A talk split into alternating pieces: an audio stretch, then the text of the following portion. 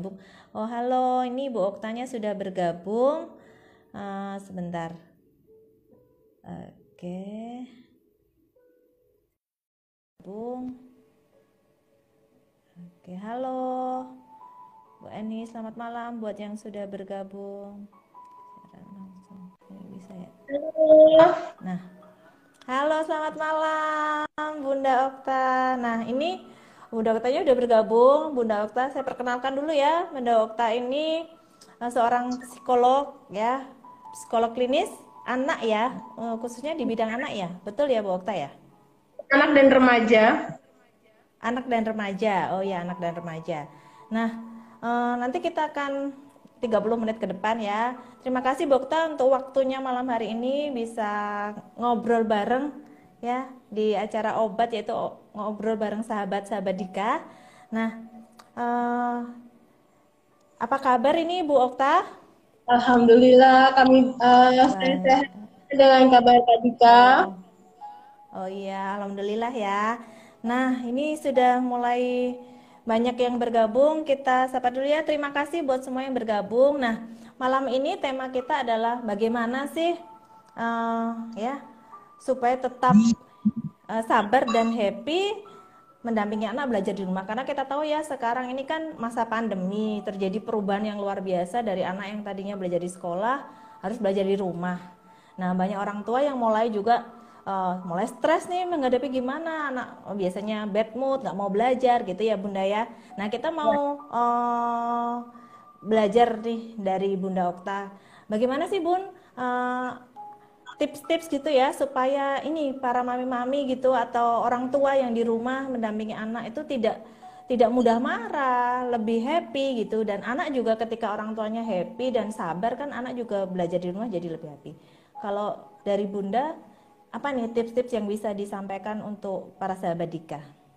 Oke, terima kasih. Suara saya jelas nggak? Jelas, jelas, jelas. Baik, um, sebenarnya mohon maaf saya telat sedikit karena tadi baru pulang praktek. Gak apa-apa, kamu belum telat kok. Oke. Okay. Oke. Okay. Terima kasih tuh. Ya. Uh, saya izin pakai masker ya karena saya baru. Iya, boleh. Ada orang sekitar gitu. Oke, ya, jadi baik. begini, pandemi saat ini kita sudah satu tahun melewati pandemi ya. Satu tahun melewati pandemi tidak menyenangkan baik untuk orang tua maupun bagi anak, tapi khususnya ini anak. Jangankan anak ya. remaja, anak saja mereka tuh mengalami stres loh di rumah berlama-lama.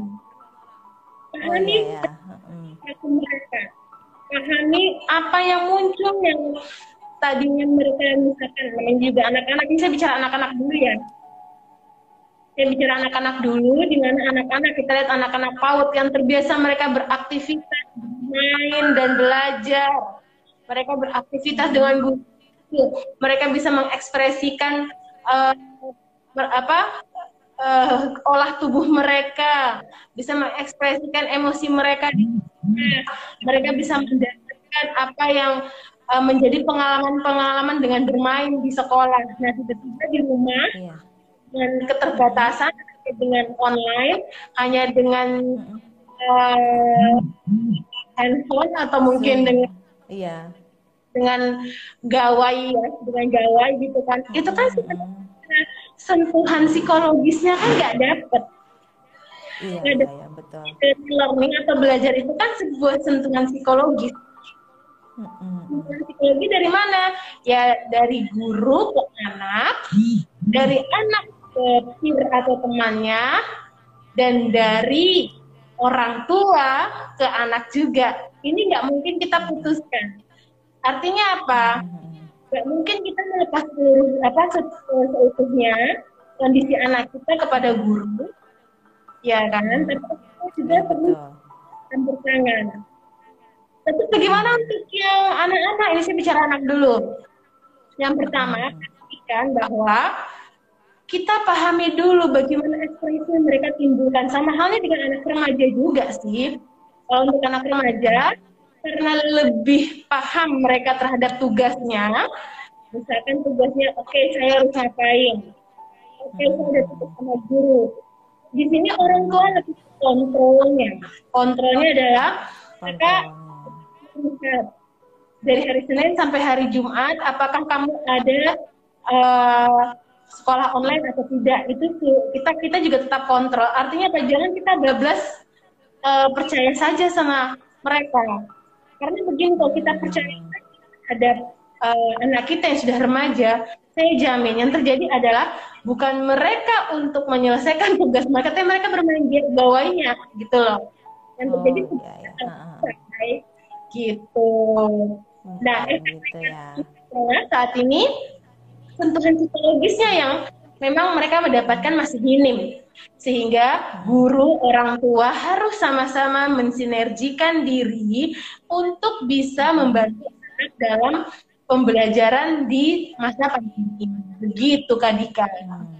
Oh gitu. Jadi harus ada sinergi dan harus uh, ada kontrol dari orang tua ya Pastinya. Kalau untuk ini untuk ke anak ya. Maksudnya kalau untuk anak yang anak-anak kecil itu kan mulai misalnya tadi kan bosen perlu sentuhan psikologis kan anak-anak mulai kadang uh, ketika dia suruh belajar namanya anak kecil kan sudah nggak mau gitu kan sudah capek gitu. Bagaimana nih Bun cara menghadapi anak-anak kalau masih maksudnya di bawah usia remaja ya masih usia anak-anak mungkin SD, PAUD kayak gitu kan. Bagaimana untuk mereka tetap bisa happy nih belajar di rumah orang tua juga jadi mendampinginya itu apa ya juga happy juga gitu. Karena kan juga menghadapi anak usia segitu kan pengennya juga main ketemu temen kan. Nah sekarang yeah. harus itu bagaimana nih orang tua kiat-kiat untuk para mama gitu ya mungkin orang tua yang menghadapi anak yang masih di usia PAUD atau SD gitu yang suka kadang males belajar nggak mau ah, mogok gitu kan. Banyak juga seperti itu bun. Gimana bun? Prinsipnya sama antara anak PAUD maupun dengan anak SMA. Artinya kontrol ada di orang tua. Gitu. Kontrol ada di orang tua. Nah, untuk anak-anak kita bicara tentang anak-anak sekarang ya. Anak anak PAUD. Anak PAUD itu kan otomatis mereka sedang mengembangkan pengalaman-pengalaman mereka terhadap uh, lingkungan. Dari pengalaman-pengalaman itu mereka akan berkembang. Apa contoh pengalamannya? Mereka bermain, itu pengalaman. Untuk meningkatkan aspek bahasa, meningkatkan aspek motorik dengan bergerak, meningkatkan yeah. aspek sosial, meningkatkan aspek emosinya secara tepat. Dengan kegiatan bermain itu empat aspek yang sebutkan tadi itu akan berkembang secara naturalis dengan adanya um, apa namanya kontrol dari guru gitu. Hmm. Nah, ketika si anak berarti itu di ya Gimana? Gimana? Lanjutkan dulu, Bun. Iya, ya. dilanjutkan dulu, Bun, monggo. Ketika sudah ketika berada di sekolah, berarti kan guru tinggal kontrol dan guru komunikasikan hasil apa yang mereka dapat. Ya. Nah, kalau di mau tidak mau, yang bekerja keras itu bukan hanya guru saja, orang tua juga iya. Meskipun kan ya dari mesti masa tugas sekolah saya juga harus lakukan ini kembali lagi fitrahnya kita sebagai orang tua kan sebenarnya membantu anak hmm. kita sebagai orang tua membantu anak bagaimana dia tumbuh dan berkembang contoh misalkan orang tua yang kondisi kembali lagi orang tua bekerja kita juga menyalahkan orang tua bekerja ya oke okay karena saya sekali ibu bekerja ataupun ayah bekerja itu pasti ada sebuah kebutuhan-kebutuhan kalau kita bicara dalam psikologi ya. Yeah. Individu itu kan masih memiliki kebutuhan tujuh. Uh, ada nanti bisa dicari uh, teori Maslow, hmm, ada kebutuhan. Teori Maslow ya. Nah, itu kan pastilah ya dengan bekerja itu kan kita mendapatkan hal itu, gitu kan? Hmm, hmm, nah, kita, anak juga harus kita backup gitu. Bekerjalah, namun jika kita pulang sampai sore, kita harus ada salah satu uh, tim atau mungkin salah satu mungkin guru les gitu kan atau mungkin orang orang di sekitar kita kayak misalkan asisten rumah tangga atau mungkin eyang atau mungkin tante gitu kan yang bisa kontrol anak kita di rumah terhadap tugas yang mereka selesaikan. Namun dengan catatan satu kontrol, dua kebutuhan bahan dalam pembelajaran sudah kita siapkan. Lalu kita komunikasikan dengan guru. Kalau kita nggak melakukan hal itu yang anak semakin stres, kita pun semakin stres. Uh, karena apa? Kita nggak tahu nih apa apa butuhkan. Yang ada kita taunya kok gini sih, kok gini. Akhirnya kita hanya mendapatkan hal-hal negatifnya saja. Tidak mendapatkan hmm. mana yang harusnya yang kurang ini kita perbaiki untuk menjadi lebih baik. Gitu. Nah, dengan adanya tim antara orang tua, orang sekitar rumah itu membantu anak kita tetap menjalankan aktivitasnya dan pastinya ya ketika ada naik turun ketika dia menghadapi situasi-situasi ini pasti ada naik turunnya iya, ya. Iya, iya. Iya, iya. Okay. Mungkin tinggal bagaimana kita melakukan sebuah trial error terhadap situasi-situasi ini dengan komunikasi bersama anak kita. Remaja hmm, gampang gitu. Artinya remaja ini kita bisa melakukan komunikasi karena pembentukan dalam berpikir itu sudah lebih kompleks. Nah, anak-anak. Iya, iya. Ya kan? Anak-anak sama kita untuk dia berkomunikasi, kita ajak dia hmm. bertukar pikiran, kita ajak dia sharing apa yang harus dilakukan. Hmm. Uh, begitu tadi. Oke, luar biasa sekali. Terima kasih Bunda. Jadi intinya orang tua harus uh, bekerja sama dengan guru, terus kemudian membangun komunikasi dengan anak ya, sharing, trial error juga ya Bun, nggak bisa ada satu rumus pasti. Kalau begini jadi happy, sabar nggak ya? Jadi tetap ada trial errornya, kemudian yang penting membangun komunikasi ya. Sebentar ya Bun, saya nyapa dulu mungkin yang baru bergabung. Terima kasih, selamat malam yang baru bergabung. Boleh mungkin ada yang mau ditanyakan dengan Bunda Okta ya. Kalau ada yang tanyakan tentang apa selama tentang pendampingan ya anak belajar di rumah selama pandemi ini. Mungkin ada yang mau bertanya, boleh. Silakan bisa dijawab langsung oleh Bunda Okta. Kalau belum berarti begini Bun. Kalau uh, bagaimana nih? Misalnya kan ada ini ya beberapa yang kemarin juga DM saya gitu ya. Ya saya ini kalau ngajarin anak nih karena kan biasanya ya uh, misalnya punya anak itu berjaraknya deket ya bun. Ada yang dua tahun ada tiga tahun kemudian lima tahun. Itu kan anaknya masih deket-deket sekali. Dan kan misalnya kakaknya belajar gitu ya kakaknya belajar terus uh, masih harus ngurusin adiknya. Jadi akhirnya kan nggak bisa eh, nggak uh, bisa fokus nih ke kakaknya. Ketika kakaknya mulai belajarnya nggak bagus mulai misalnya kayak males belajar mogok gitu. Bagaimana nih tips buat para bunda yang mengalami misalnya anaknya masih kecil-kecil kemudian jadi kan ketika harusnya bisa sabar menjalin komunikasi dengan anak gitu tapi kan uh, apa jatuhnya jadi anak dimarahin gitu. Jadi anaknya jadi makin nggak mau belajar. Itu gimana bun? Tips tipsnya nih buat bunda-bunda yang mungkin mengalami hal yang sama gitu ya dengan jarak anak yang dekat. Kemudian kakaknya harus belajar ngurusin adiknya. Jadi dia akhirnya nggak eh, nggak uh, bisa sabar gitu. Jadi jatuhnya marah-marah. Gimana bun? Yang pertama ya lo bahwa anak ya. kita ya. kita harus latih dengan namanya kemandirian oh, kemandirian okay? Kemandirian. Artinya kemandirian adalah ketika dia sudah menjalankan ini tugas muka, kita giring dia untuk membantu um, me men menghadapi tugasnya. Lalu bagaimana kalau misalkan, lalu bagaimana kalau misalkan jaraknya deket-deket nih, ya kan? Uh, ya, kan bilang aku banget bun. iya. Uh, ya, kan ya. juga uh. anak saya kan satu enam satu tiga tahun. Jadi kalau kakaknya hmm mau video callan atau kok video call ada zoom meeting gitu Zoom, ya, ya. Uh.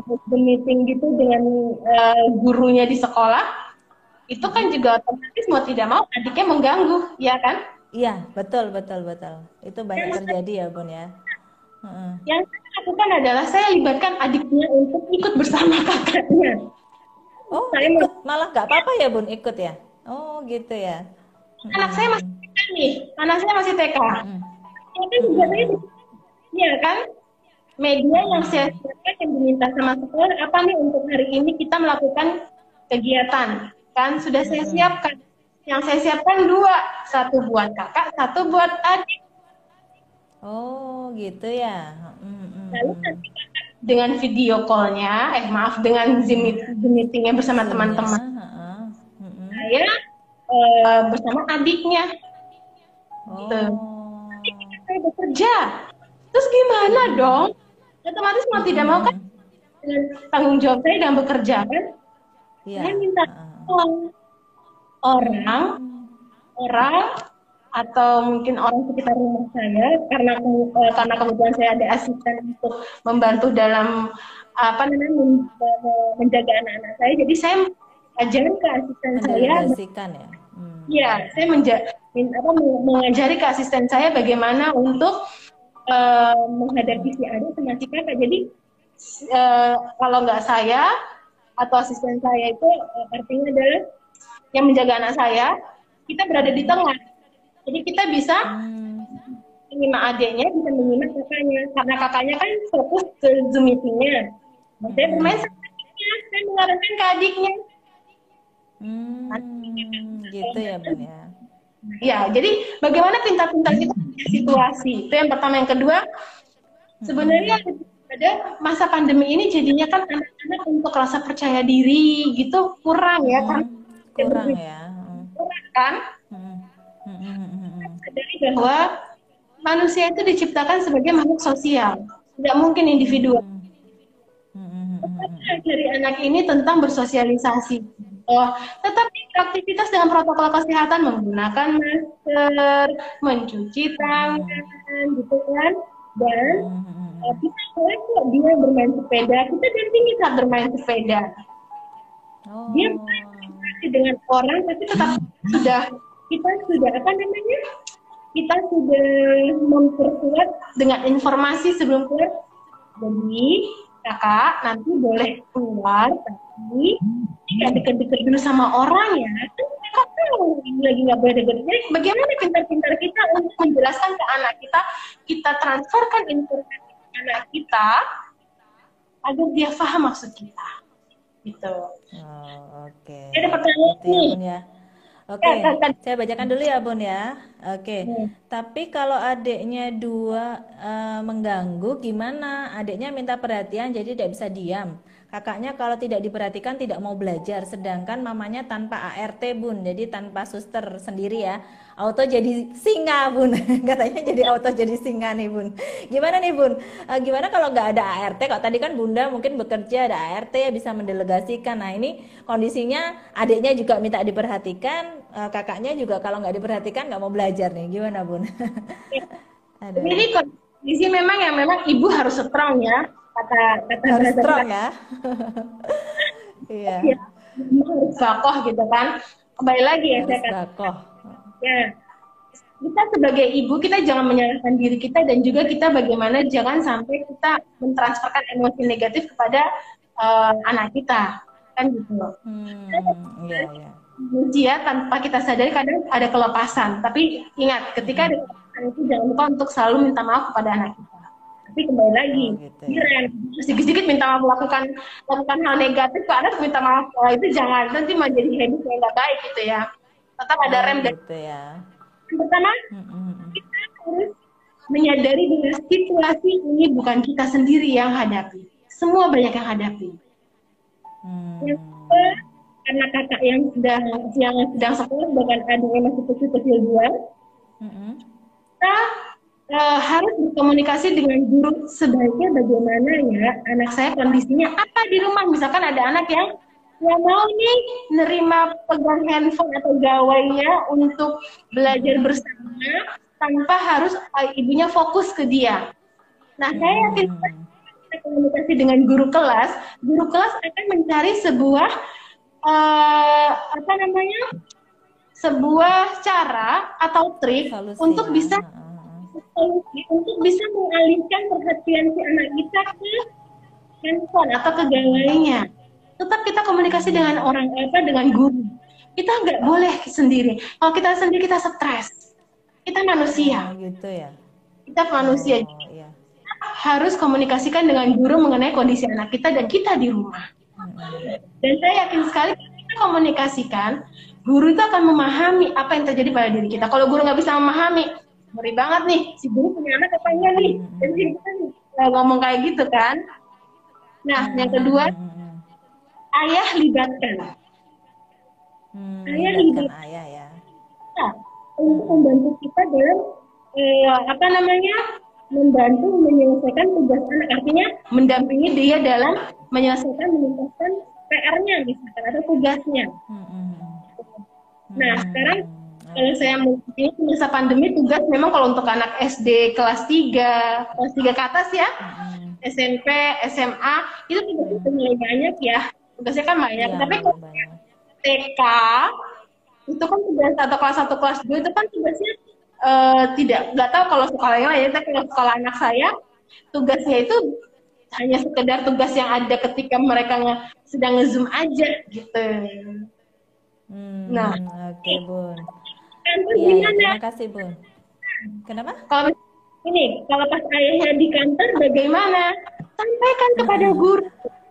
Saya bisa men tugas sesuai dengan kondisi saya. Sesuai hmm. dengan kondisi kan saya kelonggaran waktu untuk bisa dampingi anak saya, dan suami saya bisa dampingi anak saya menyelesaikan tugas. Oke, gitu ya. Jadi menjadi ibu rumah tangga itu juga nggak gampang loh. Luar biasa ibu rumah tangga. Tugasnya hmm, sangat luar biasa. Iya. Iya, sangat luar biasa ya. Oke, jadi intinya tidak boleh sendirian ya Bun. Kita harus misalnya kalau memang ada suami ya bantu suami ya. Memang kalau anak sudah bisa didelegasikan, maksudnya sudah bisa kasih pengertian ya anak minta kita bantu kita juga ya Bu buat karena kan masih ada adik-adiknya gitu ya Bun ya. Intinya tidak boleh menghadapi semua sendiri. Bisa dikomunikasikan dengan guru misalnya. Gimana nih Bun? Tugasnya ke anak saya baru suami saya baru datangnya jam segini kalau nanti ngumpulin tugasnya mungkin kan bisa ada solusinya ya. Maksudnya gitu ya, Bunda ya. Maksudnya kita komunikasikan dengan gurunya supaya dapat solusi. Fokus ke solusi gitu ya, Bun ya. Misalkan nih. Betul ya.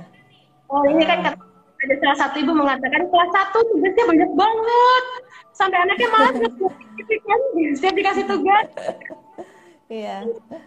Sampaikan pada guru bahwa situasi-situasi setiap orang tua menghadapi di rumah itu berbeda-beda, khususnya karena memiliki adik, gitu kan? Mm-hmm. Yang berilah kecil, ya. Berilah kelonggaran bagaimana untuk saya membantu anak saya mengumpulkan tugas di hari ayahnya bisa membantu untuk mengumpulkan tugasnya, misalkan di hari Sabtu, gitu. Hmm, iya, iya. Jadi jika misalkan guru tidak memberikan kelonggaran atau guru itu sakleknya ini dan harus tanggal sekian jam sekian maaf. Hmm. berarti dia membentuk uh, si anak ini sebagai robot bukan manusia. Padahal oh, gitu. pendidik pendidik dan mendidik itu kan sebenarnya kan bagaimana kita bisa memanusiakan anak-anak didik kita. Memanusiakan manusia ya? Memanusiakan manusia sekolah itu kan bagaimana anak kelas satu loh ini masa transisi loh dari TK ke SD hmm. otomatis kan hmm. ketika kita memberikan tugas yang banyak seperti kelas 3 SD itu tidak mungkin hmm. ini masa transisi hmm. oh, yeah. maka pastikan ke guru itu saran saya hmm. oke okay. terima kasih Bun ya Ya memang, tapi memang beberapa misalnya uh, ini ya kayak mungkin Bunda Putri ini kan mungkin sekolah swasta itu kadang gitu pun kelas satu pun saya memang lihat sendiri ya tugasnya itu banyak banget. Kok kelas satu udah segitu tugasnya gitu ya. Ya mungkin memang solusinya adalah berkomunikasi dengan pihak sekolah ya Bun ya. Karena kan memang kondisi setiap keluarga beda ya. Jadi intinya kita nggak bisa hadapi sendiri lah. Kalau kita hadapi sendiri pasti stres gitu ya. Terima kasih Bu ya. untuk uh, sarannya ya terima kasih. Oke mungkin ada yang mau bertanya lagi? Mungkin kita uh, karena Bunda Utra juga baru pulang dari praktek ya pasti capek gitu ya. Kita uh, mungkin ada kalau mau ada pertanyaan boleh satu kali lagi. Kalau tidak mungkin kita akan mungkin saya mau minta Bunda Okta buat kasih nih uh, satu pesan terakhir ya mungkin buat para mama gitu ya para orang tua lah nggak cuma mama bisa ya bisa ibu gitu ya. Uh, supaya ya bisa ini tadi ya supaya bagaimana mengemas men, uh, pendampingan belajar anak di masa pandemi ini supaya anaknya juga happy, orang tuanya juga bisa tetap sabar dan juga happy. Mungkin ada satu pesan terakhir gitu ya, maksudnya untuk semuanya ya buat yang mendengarkan. Oke, okay, terima kasih. Okay, terima kasih. Sadari, sadari bahwa situasi ini bukan kita sendiri, banyak okay. yang mengalami hal ini. Sadari akan situasi dan segera kita mencari solusi. Yang kedua, tetaplah kita mencari me time buat diri kita sendiri. Buat ibu-ibu butuh me time. Me time itu bukan ya. Ya, me time itu kan bukan berarti harus pergi jalan-jalan ke mall, ke salon. Dengan tidur aja itu me time loh. Apalagi oh, gitu ya. di yoga atau mungkin bisa olahraga. Nah, itu kan me time sebenarnya. Nah, harus mencari situasi dengan harus me time. Lalu yang ketiga itu ya uh, Kak Dika mungkin suatu saat nanti Kak Dika bisa membahas tentang namanya mindfulness ya.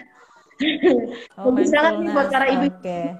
Ya, bagus okay, banget. Mungkin nanti di next next next itu ya next obat kita bahas tentang mindfulness ya. Oke, okay, itu ya. Oke, okay, boleh. Artinya mindfulness okay. adalah mungkin sedikit saja penjelasan saya secara sederhana. Mm -hmm. Pada sadari kejadian saat ini, pahami kejadian saat ini, lalu berusaha untuk mencari solusi dan memaafkan situasi-situasi. Kalau kita tidak melakukan hal itu, kita bisa stres sendiri. Stresor semakin tinggi, kita semakin tidak baik secara kesehatan mental kita. Begitu. Oke, gitu. Terima kasih Bunda untuk semua tipsnya dan obrolannya malam hari ini sangat bermanfaat. Saya percaya ini juga uh, sangat bermanfaat buat para bunda gitu ya, karena memang ini banyak dialami oleh bunda-bunda yang uh, sedang mendampingi anaknya ya di masa pandemi ini. Dan saya percaya ini sangat bermanfaat. Yang saya juga terima kasih buat semua yang sudah bergabung, sudah hadir uh, di malam hari ini. Sekali lagi terima kasih Bunda Okta buat waktunya sangat bermanfaat sekali obrolan kita malam hari ini. Semoga lain waktu kita bisa ngobrol lagi dengan topik dan tema yang berbeda. Ya. Terima kasih Bunda. Selamat malam. Malam. Dadah. Ya, malam. Dadah. Oke.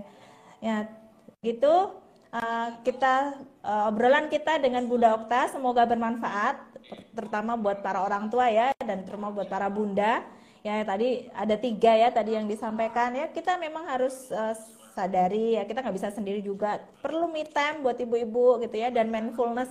Artinya kita sadar penuh dengan apa yang uh, kita hadapi saat ini detik ini kita menyadari dengan penuh. Dan memang segala sesuatunya itu hanya perlu yang namanya penerimaan. Karena dengan menerima kita akan lebih mudah ikhlas. Dengan uh, ikhlas kita akan lebih mudah bersyukur. Dan dengan kita lebih mudah bersyukur, hidup kita akan jadi jauh lebih ringan, kita menjalani segala sesuatu akan jadi jauh lebih uh, bahagia, lebih bisa menghadapi segala sesuatunya dan kita lebih bisa fokus kepada solusi. Semoga obrolan kita malam hari ini bisa bermanfaat buat semuanya. Terima kasih tadi dari yang uh, sudah hadir dan sudah memberikan pertanyaan-pertanyaan. Uh, saya pamit undur diri. Selamat